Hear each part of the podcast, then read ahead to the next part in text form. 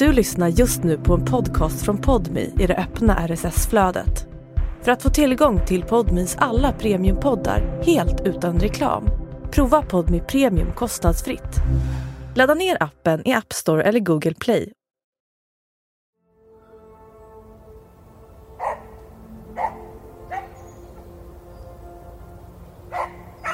Under min tid som jägare så vill det ju till att man håller imagen uppe. Att man är ganska hård och ganska kall och så vidare. Vi börjar i en skog utanför Stockholm. Det är i början av november. Barmark. Yrkesjägaren Peter ska skjuta rådjur. Med sig har han sin nya jakthund som Peter håller på att träna upp. En svartbrun stövare med vita tassar och vit nos. Jag levde ju mycket på mina hundar och att de skulle prestera. Och hundarna fick inte ha en dålig dag utan de skulle prestera hela tiden. Men den här dagen går allt fel. Unghunden driver rådjuren åt fel håll, ut i skogen istället för mot Peter. Och jag fick inte stopp på honom. Hunden och rådjuren har försvunnit ur sikte. När Peter efter några minuter hör dem närma sig igen står han beredd med sitt hagelgevär. Det var bara det att det kom inga rådjur utan han kom på bakspår och skällde lika mycket åt fel håll som han hade skällt åt rätt håll. Hunden kommer tillbaka ensam. Han har gjort fel igen och det kan Peter inte tolerera. Med hagelbössan siktar han. Inte mot rådjuret utan mot sin egen hund. Och då sköt jag.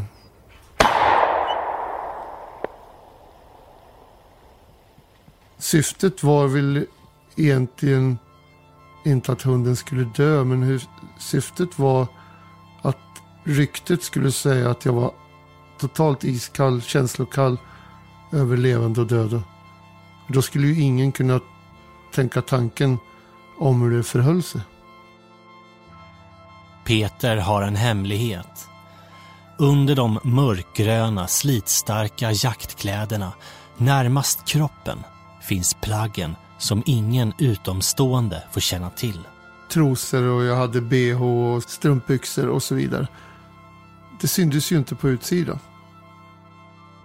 Om Peter avslöjar att han egentligen vill leva fullt ut som kvinna riskerar han att förlora alla som står honom nära.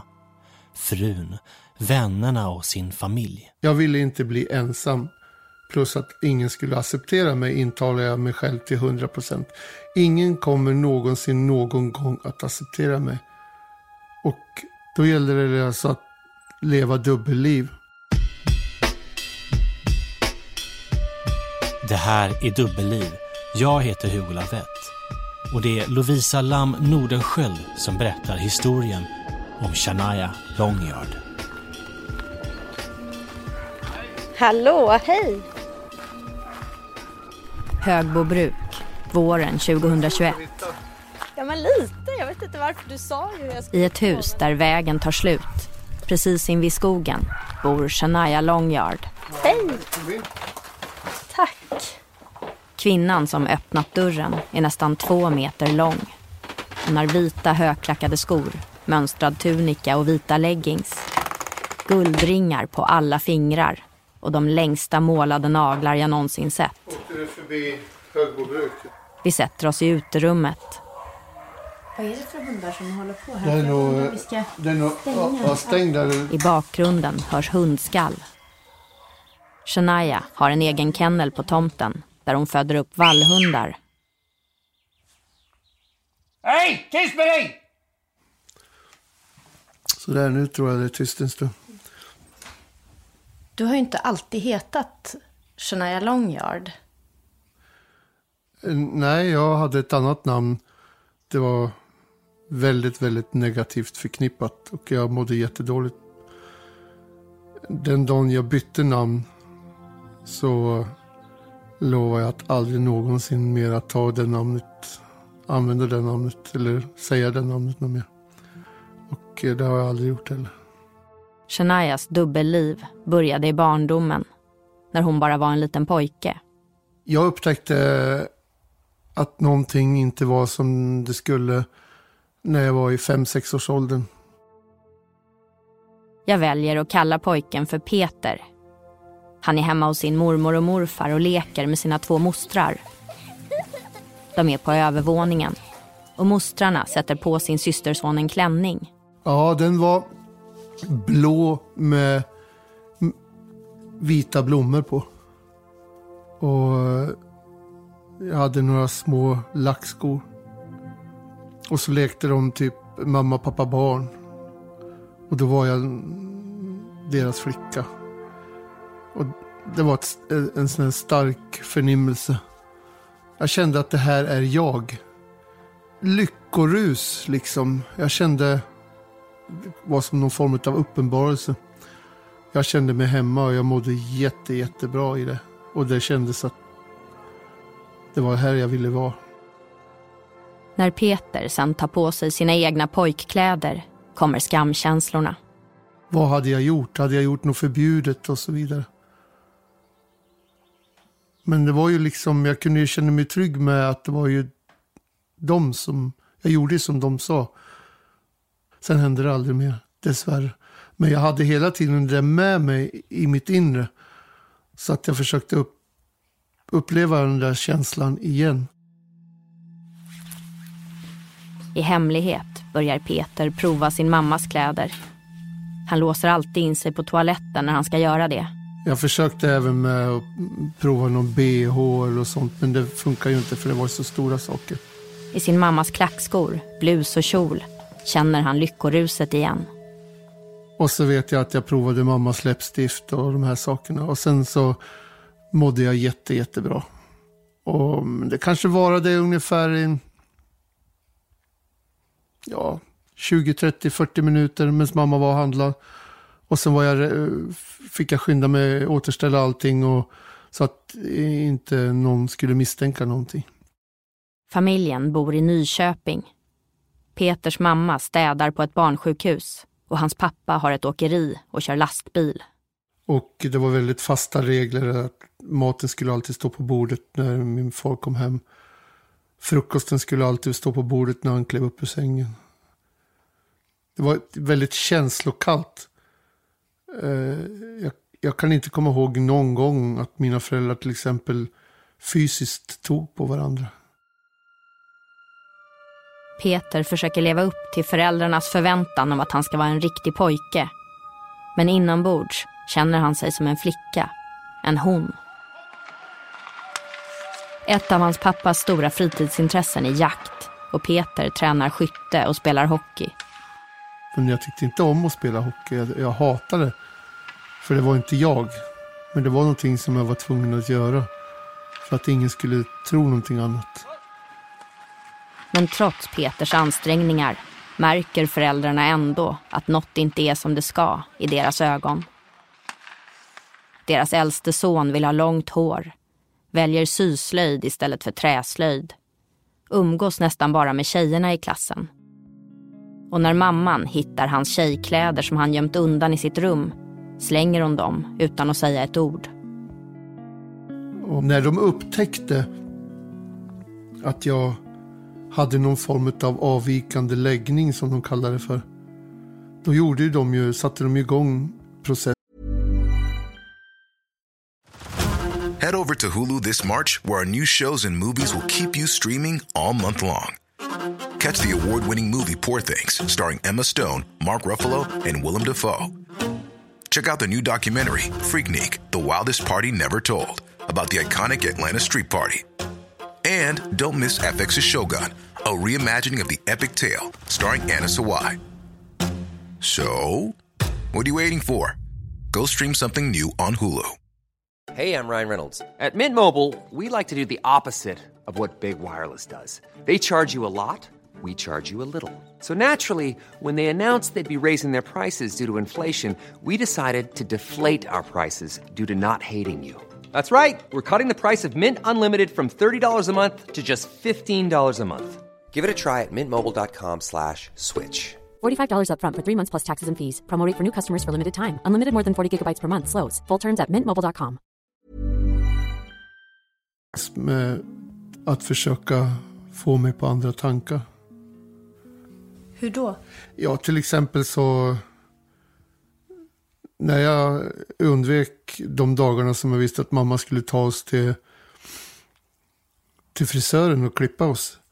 Då vid ett obevakat tillfälle så plötsligt kom det en, en släkting hem. Och så höll de fast mig och så rakade de av mig håret. Föräldrarna vill fostra sin son. Han ska lära sig att bli en riktig pojke och man. Jag kunde till exempel få diska efter maten. Det var väl inte hela världen. Det är väl ingen som dör av att diska. Men då kunde min pappa fylla på med skållhett vatten i diskbaljan så att jag brände händerna.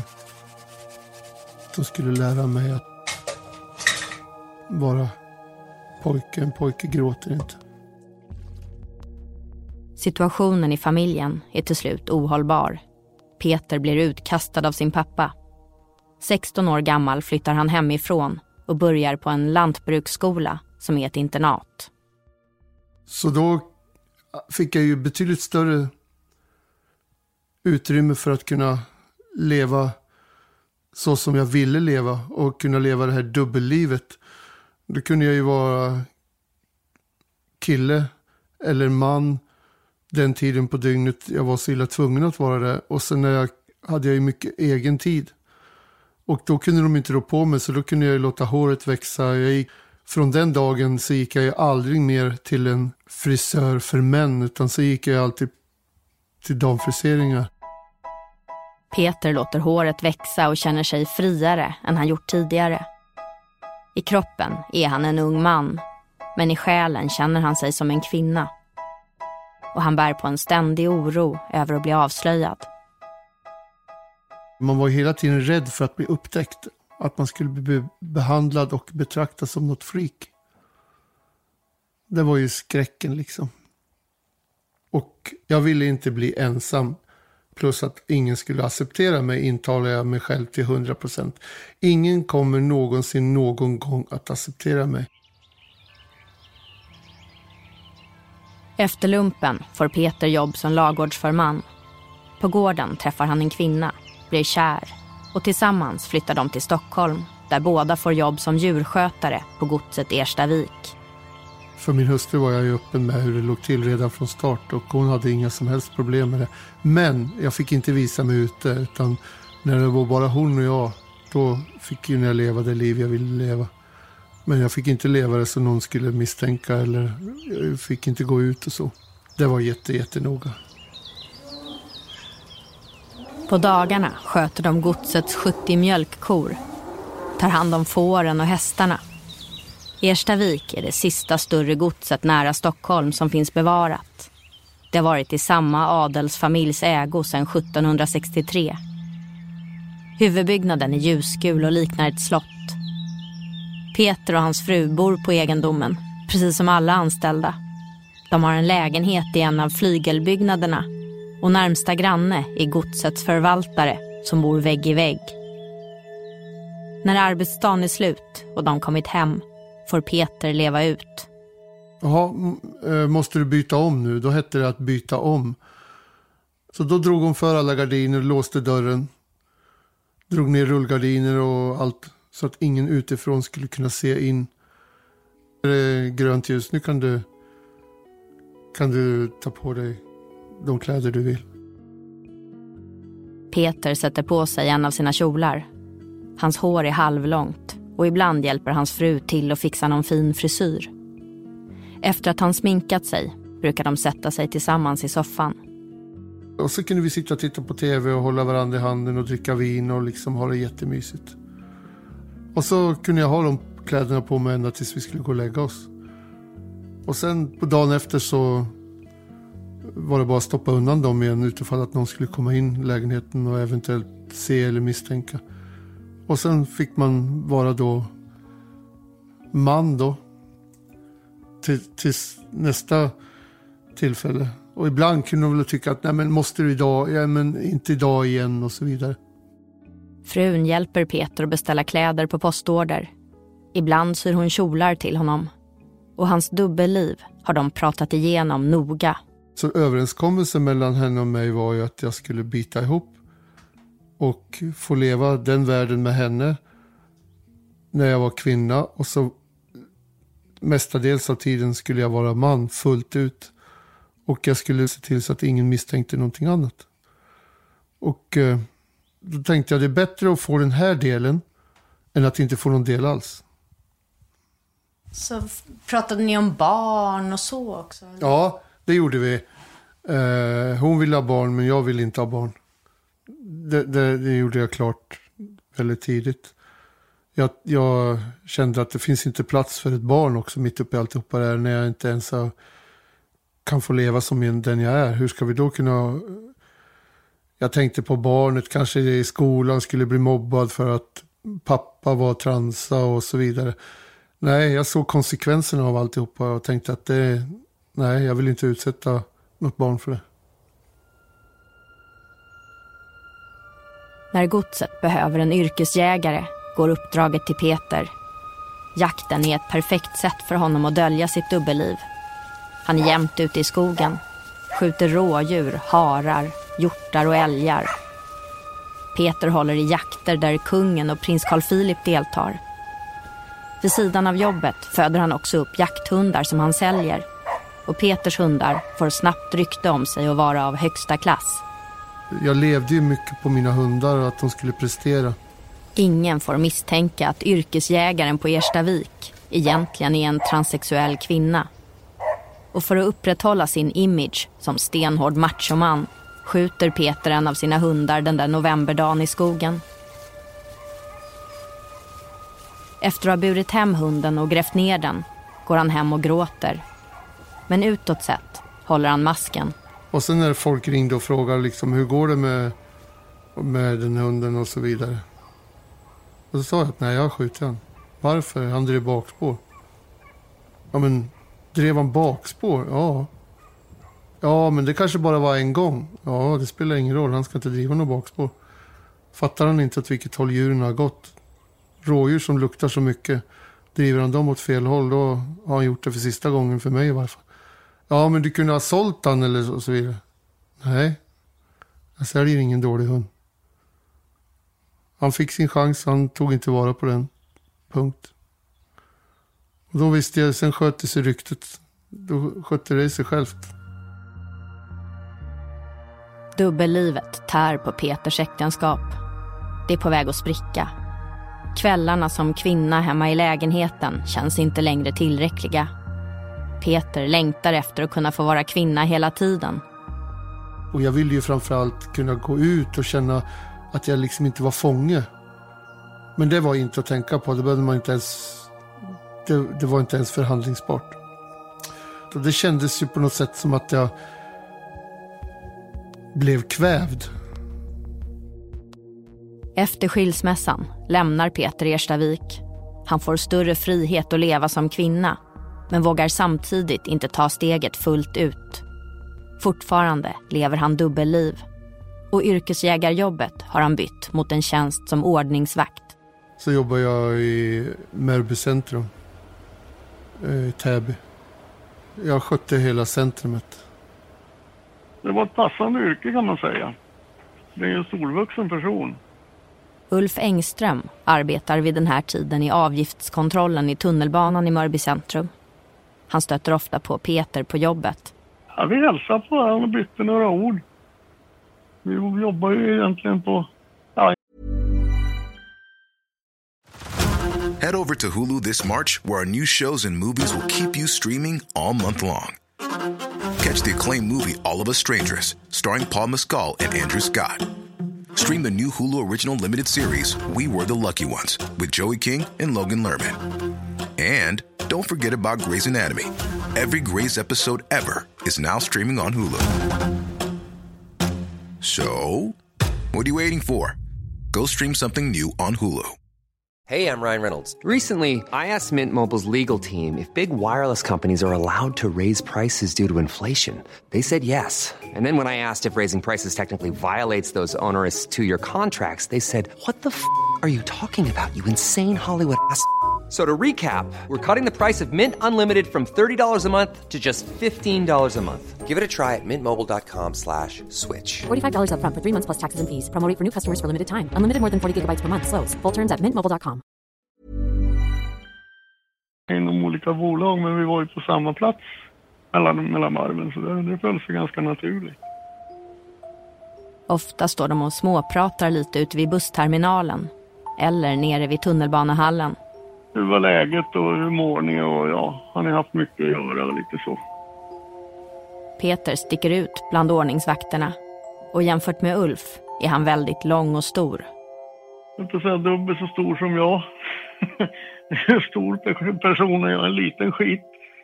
Proper och, och ja, korrekt kan man väl säga. Korrekt klädd och trevlig. Trevligt utseende. Ja, som... Nej, jag märkte ingen, ingenting märkligt så eller.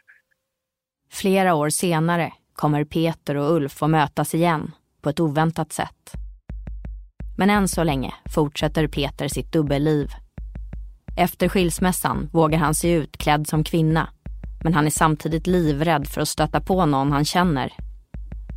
Flera gånger är han nära att avslöjas. Vid ett tillfälle är han kallad till ett läkarbesök.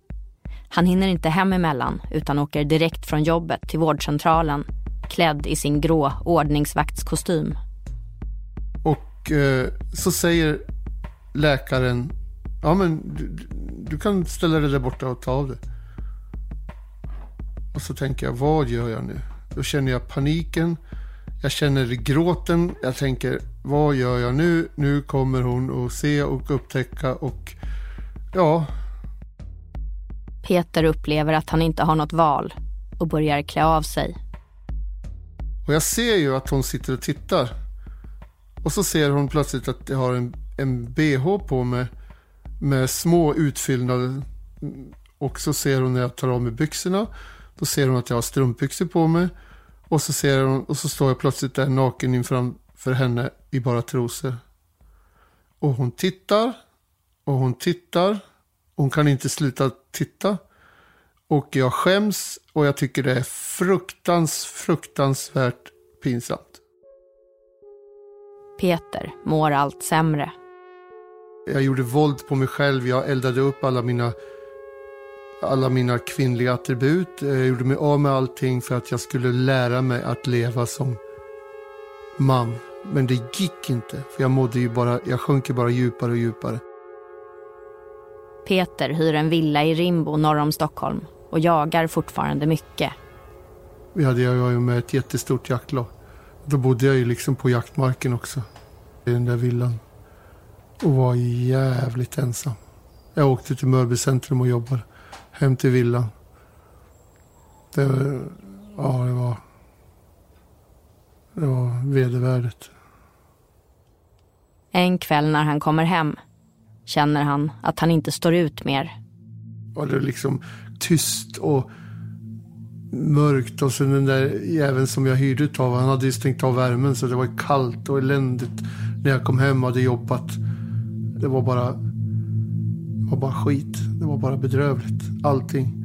Jag vantrivdes på jobbet. Eh, jag ville inte vara där på jobbet överhuvudtaget. Eh, allting var, var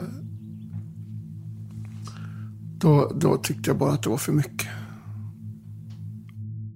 Han sitter i köket med ett av sina vapen i handen. En revolver. Med den tänker han spela rysk roulette. Och det är hans liv som står på spel.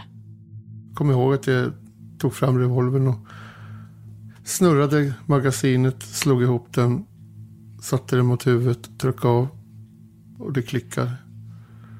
Och i samband med det så ringde telefonen och så var det några som jag umgicks med då på den tiden som ringde av någon konstig anledning och frågade hur det var. Annars kanske jag hade provat en gång till. Och då sa jag att det var skit. Det var jättedåligt. Och då kom de. Satte de sig i bilen. De bodde bara en bit därifrån. Så kom de. Och så satt de och pratade med mig hela kvällen. Självmordsförsöket blir en vändpunkt. Det blev en väldigt, början till en väldigt, väldigt, väldigt lång startsträcka mot någonting bättre. Peter flyr utomlands. Reser till Nya Zeeland och jobbar som herde med vallhundar. Lever som transsexuell kvinna i Thailand. Flyttar vidare till Australien och sen slutligen USA där han slår sig ner mitt i bibelbältet i Oklahoma. Och där är det väldigt strikt så här. Kyrkan varje söndag och så vidare. Och väldigt strikt vad som är manligt, kvinnligt. Och så jag kände att nej, det går inte att bli kvar här. Så då tänkte jag att då lär jag åka hem. Och ta tjuren vid hornen och försöka etablera mig hemma. Men det går ju inte. Det måste bli i Stockholm. Det är ingen, där man kan försvinna in i mängden. Nej, tänkte jag. Jag ska göra någonting som alla säger inte går. Jag ska etablera mig i ett litet brukssamhälle. Sandviken blir Peters nya hemort. Han börjar plugga till projektledare i Gävle. Dubbellivet pågår fortfarande. Men han har kommit till en punkt där han känner att han måste välja väg. Jag hade ju redan liksom gjort avkall eller bekännelse, vilket du vill, till min omgivning. Men jag levde ju fortfarande dubbelliv och det var ju det här steget att våga kliva ut utanför komfortzonen. Till slut fattar Peter beslutet. Det har blivit dags för honom att löpa linan ut. Så då gjorde jag mig av med alla manliga kläder på en enda gång så det inte fanns något alternativ. Slängde klädåtervinningen. Allt, rubbet, allt. Så om jag överhuvudtaget skulle kunna gå ut eller om jag överhuvudtaget skulle kunna gå till jobbet så var jag tvungen. Jag hade inget alternativ. Peter blir Shania, en kvinna fullt ut med pronomen hon. Namnet betyder den vandrande och hon har en lång väg både bakom sig och framför sig. Det var jätte, jättetufft. Men när jag väl hade tagit det stora steget och gjort det här. Det var liksom magiskt. Jag var som på nytt född. Sally! Skärp dig nu! Ja, det var... Det var... Det var... Jag, var, jag sprang som på moln. För det fanns inget... Det var med skräckblandad förtjusning. Det var så definitivt. Shania får jobb som djurskötare på Högbo bruk med ansvar för fåren. Jakt har hon slutat med för länge sedan och sina vapen har hon sålt. Men hundarna håller hon fast vid. Hon tävlar med sina border collies som vinner priser och tar domaruppdrag för Svenska vallhundsklubben. I sin kennel hemma i Sandviken föder hon upp valpar som hon säljer. Och kunderna kommer från hela Sverige. Min sambo hittade en annons på border collie-valpar. Och så en människa som heter Shania Longyard. Ulf Engström, den tidigare avgiftskontrollanten i Mörby centrum, har köpt en gård i Västergötland och flyttat dit tillsammans med sin sambo Ingrid. De är på jakt efter en vallhundsvalp och ringer numret i annonsen Personen som svarar låter trevlig och de kommer överens om att mötas upp på en vallhundstävling på Näs slott i närheten. Ja, i vilket fall, vi åkte ner till Näs och eh, Ingrid går till sekretariatet och frågar efter Shania. Om de visste vem det var. Då säger hon som sitter in, eh, he, he, ja, ni kommer att se vem det är. Och i samma ögonblick så kommer det två meter parant dam gående och presenterar sig som Shania. Ja, vad tänkte jag då? jag var väl lite förvånad och tänkte, vad i jösse namn. Shania står där, klädd i skogskläder, sminkad med sina långa målade naglar och fönat hår. Och eh, öppnar munnen och börjar prata och jag konstaterar ju ganska raskt att det här är ju inte en tjej. Och det ska jag väl villigt erkänna att jag, jag kände mig faktiskt ganska så obekväm i situationen. Jag har ju stött på och träffat eh, homosexuella killar tidigare och jobbat ihop med också. Det har liksom aldrig varit något problem. Men här var det, här var det två saker som krockade med varandra. Det, det stämde liksom inte. Han tittar ju. Jag såg ju när jag kom att de tittade bägge två. De tittade väldigt, väldigt, väldigt mycket. Även Shania känner sig obekväm i situationen. Jaha, undrar hur det här ska gå. Antingen sticker de, lägger de benen på ryggen och springer. Eller också står de kvar, men det kommer märka ganska snart om det är väldigt, väldigt stelt. Eller om det, vi får någon, någon form av kontakt. Nåväl, vi eh, gick en promenad där och började prata och jag var lite så här avvaktande och tänkte, vad, hmm, vad är det här nu då? Men det tog fem minuter så hade vi bandat totalt. För att eh, det visade sig att Shania har ju en karisma som, ja, den är, det går inte att beskriva hur det var. Vi, vi connectade direkt och sen på den vägen är det.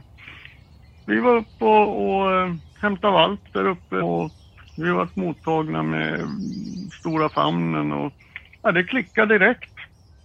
Det var enormt. Jag har bara, jag har bara upplevt det en gång. Som någon ny människa jag har träffat som bara pang blir en grymt nära vän. Det, det är fantastiskt. När det, när det sker. Och som köper mig rakt av i alla lägen. Ulfs valpköp blir starten på en nära vänskap. Och ganska snart inser Ulf att han faktiskt träffat Shania tidigare. Vi pratar väl om gamla jobb och hit och dit och Shania säger då att hon har bland annat jobbat som ordningsvakt i tunnelbanan. Och då frågar jag, jaha, vilken linje då? då? Ja, de var ju Mörby centrum då. Fasen sa då har vi träffats förut. Va? Ja, när du gick som ordningsvakt i tunnelbanan. Och när jag jobbade på avgiftskontrollen. Så att eh, där sydde vi ihop det. Han brukar tjata om mina långa naglar och så här. Hur fan kan du ha det på det här viset? Vad fan, du kan ju inte göra någonting. Uffe, man vänjer sig. Det kostar att ligga på topp, brukar jag säga till honom. När Shania lär känna Ulf och hans sambo Ingrid har hon fortfarande inte fått någon formell diagnos. Efter några år, omkring 2010, startar Shania sin sexualutredning och den pågår under drygt två år. Sen så kommer de fram till en diagnos då. Och då är, råder det ingen som helst tvekan. Alltså det är ingenting som jag har inbillat mig eller så här. Utan jag är till hundra procent kvinna. Jag är en transsexuell kvinna. Därom råder ingen som helst tvekan. Hur känns det när du får diagnosen? En stor, stor lättnad. En bekräftelse på att det inte är någonting som jag har gått och inbillat mig hela livet. Inte, att det inte är någon hitta-på-grej. Att jag inte är sjuk. Att jag är vid mina sinnesfulla bruk. Diagnosen blir det definitiva avslutet på Shanias dubbelliv. Och en ny start. För ungefär samtidigt som utredningen blir klar träffar Shania sitt livs stora kärlek. Kom, ska du komma Sippan? Ska du komma in? Sippan, kom. Maggan. Ska du komma?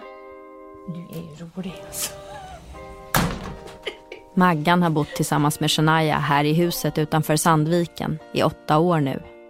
I början var det ju mycket kommentarer och sånt där från, från eh, kompisar och så. Och den första frågan jag fick av någon, det var ju, ja, jaha, är du lesbisk nu då?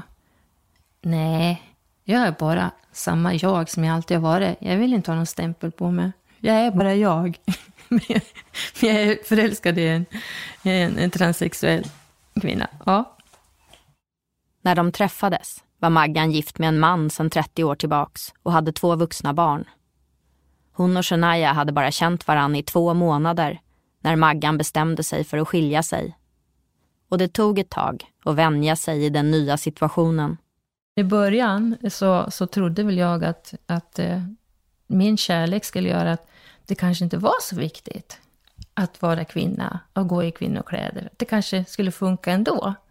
Så Shania stackaren försökte ju med det när vi blev tillsammans. Att, eh, ja, ja jag, kan gå i, jag kan lika gärna gå i jeans också, det går bra. Jag behöver inte ha klänning eller kjol eller vara kvinnligt klädd. Så att eh, det tog ändå ett litet tag innan eh, allt fall föll på plats och jag förstod hur viktigt det där det är. Verkligen. Sex månader efter att de blivit ett par, på midsommarafton, friade Shania. Och i september samma år gifte de sig hemma på altanen. Numera är de ett välkänt par i Sandviken. Men jag menar, det är ju inte bara Shania de tittar på numera. Sen jag gjorde den här frisyren så tittar de ju på mig också. Det ser ju väldigt annorlunda ut jämfört med ditt ja, bröllopsfoto med Shania. Hur skulle du själv beskriva frisyren? Lite mohikan, skulle jag väl beskriva det som. Rakade sidor, hår uppe på huvudet. jag trivs jättebra i det, det bästa jag har gjort. Så himla enkelt att sköta och... ja. Maggan är allt. 100 procent allt i alla lägen. Vi lever som två kvinnor. Vi har inga hemligheter och vi kan prata om precis vad som helst, när som helst, hur som helst. Det, det är drömmen.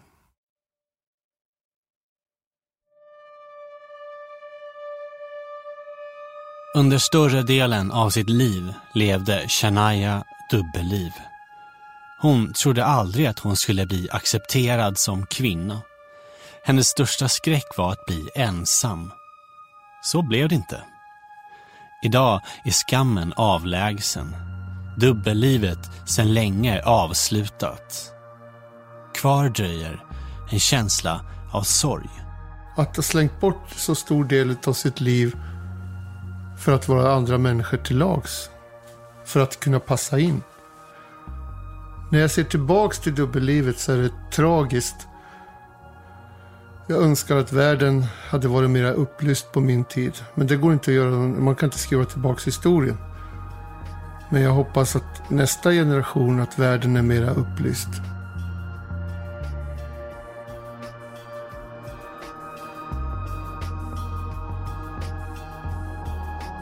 Du har lyssnat på Dubbelliv, en exklusiv podd med produktion av Banda.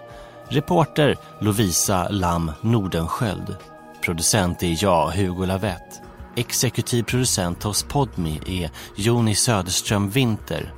Musik av Reese Edwards. Mix av Elin Rosenberg. Har du en dubbellivshistoria att dela med dig av? Skriv då till mig på hugo bandaproduktion.se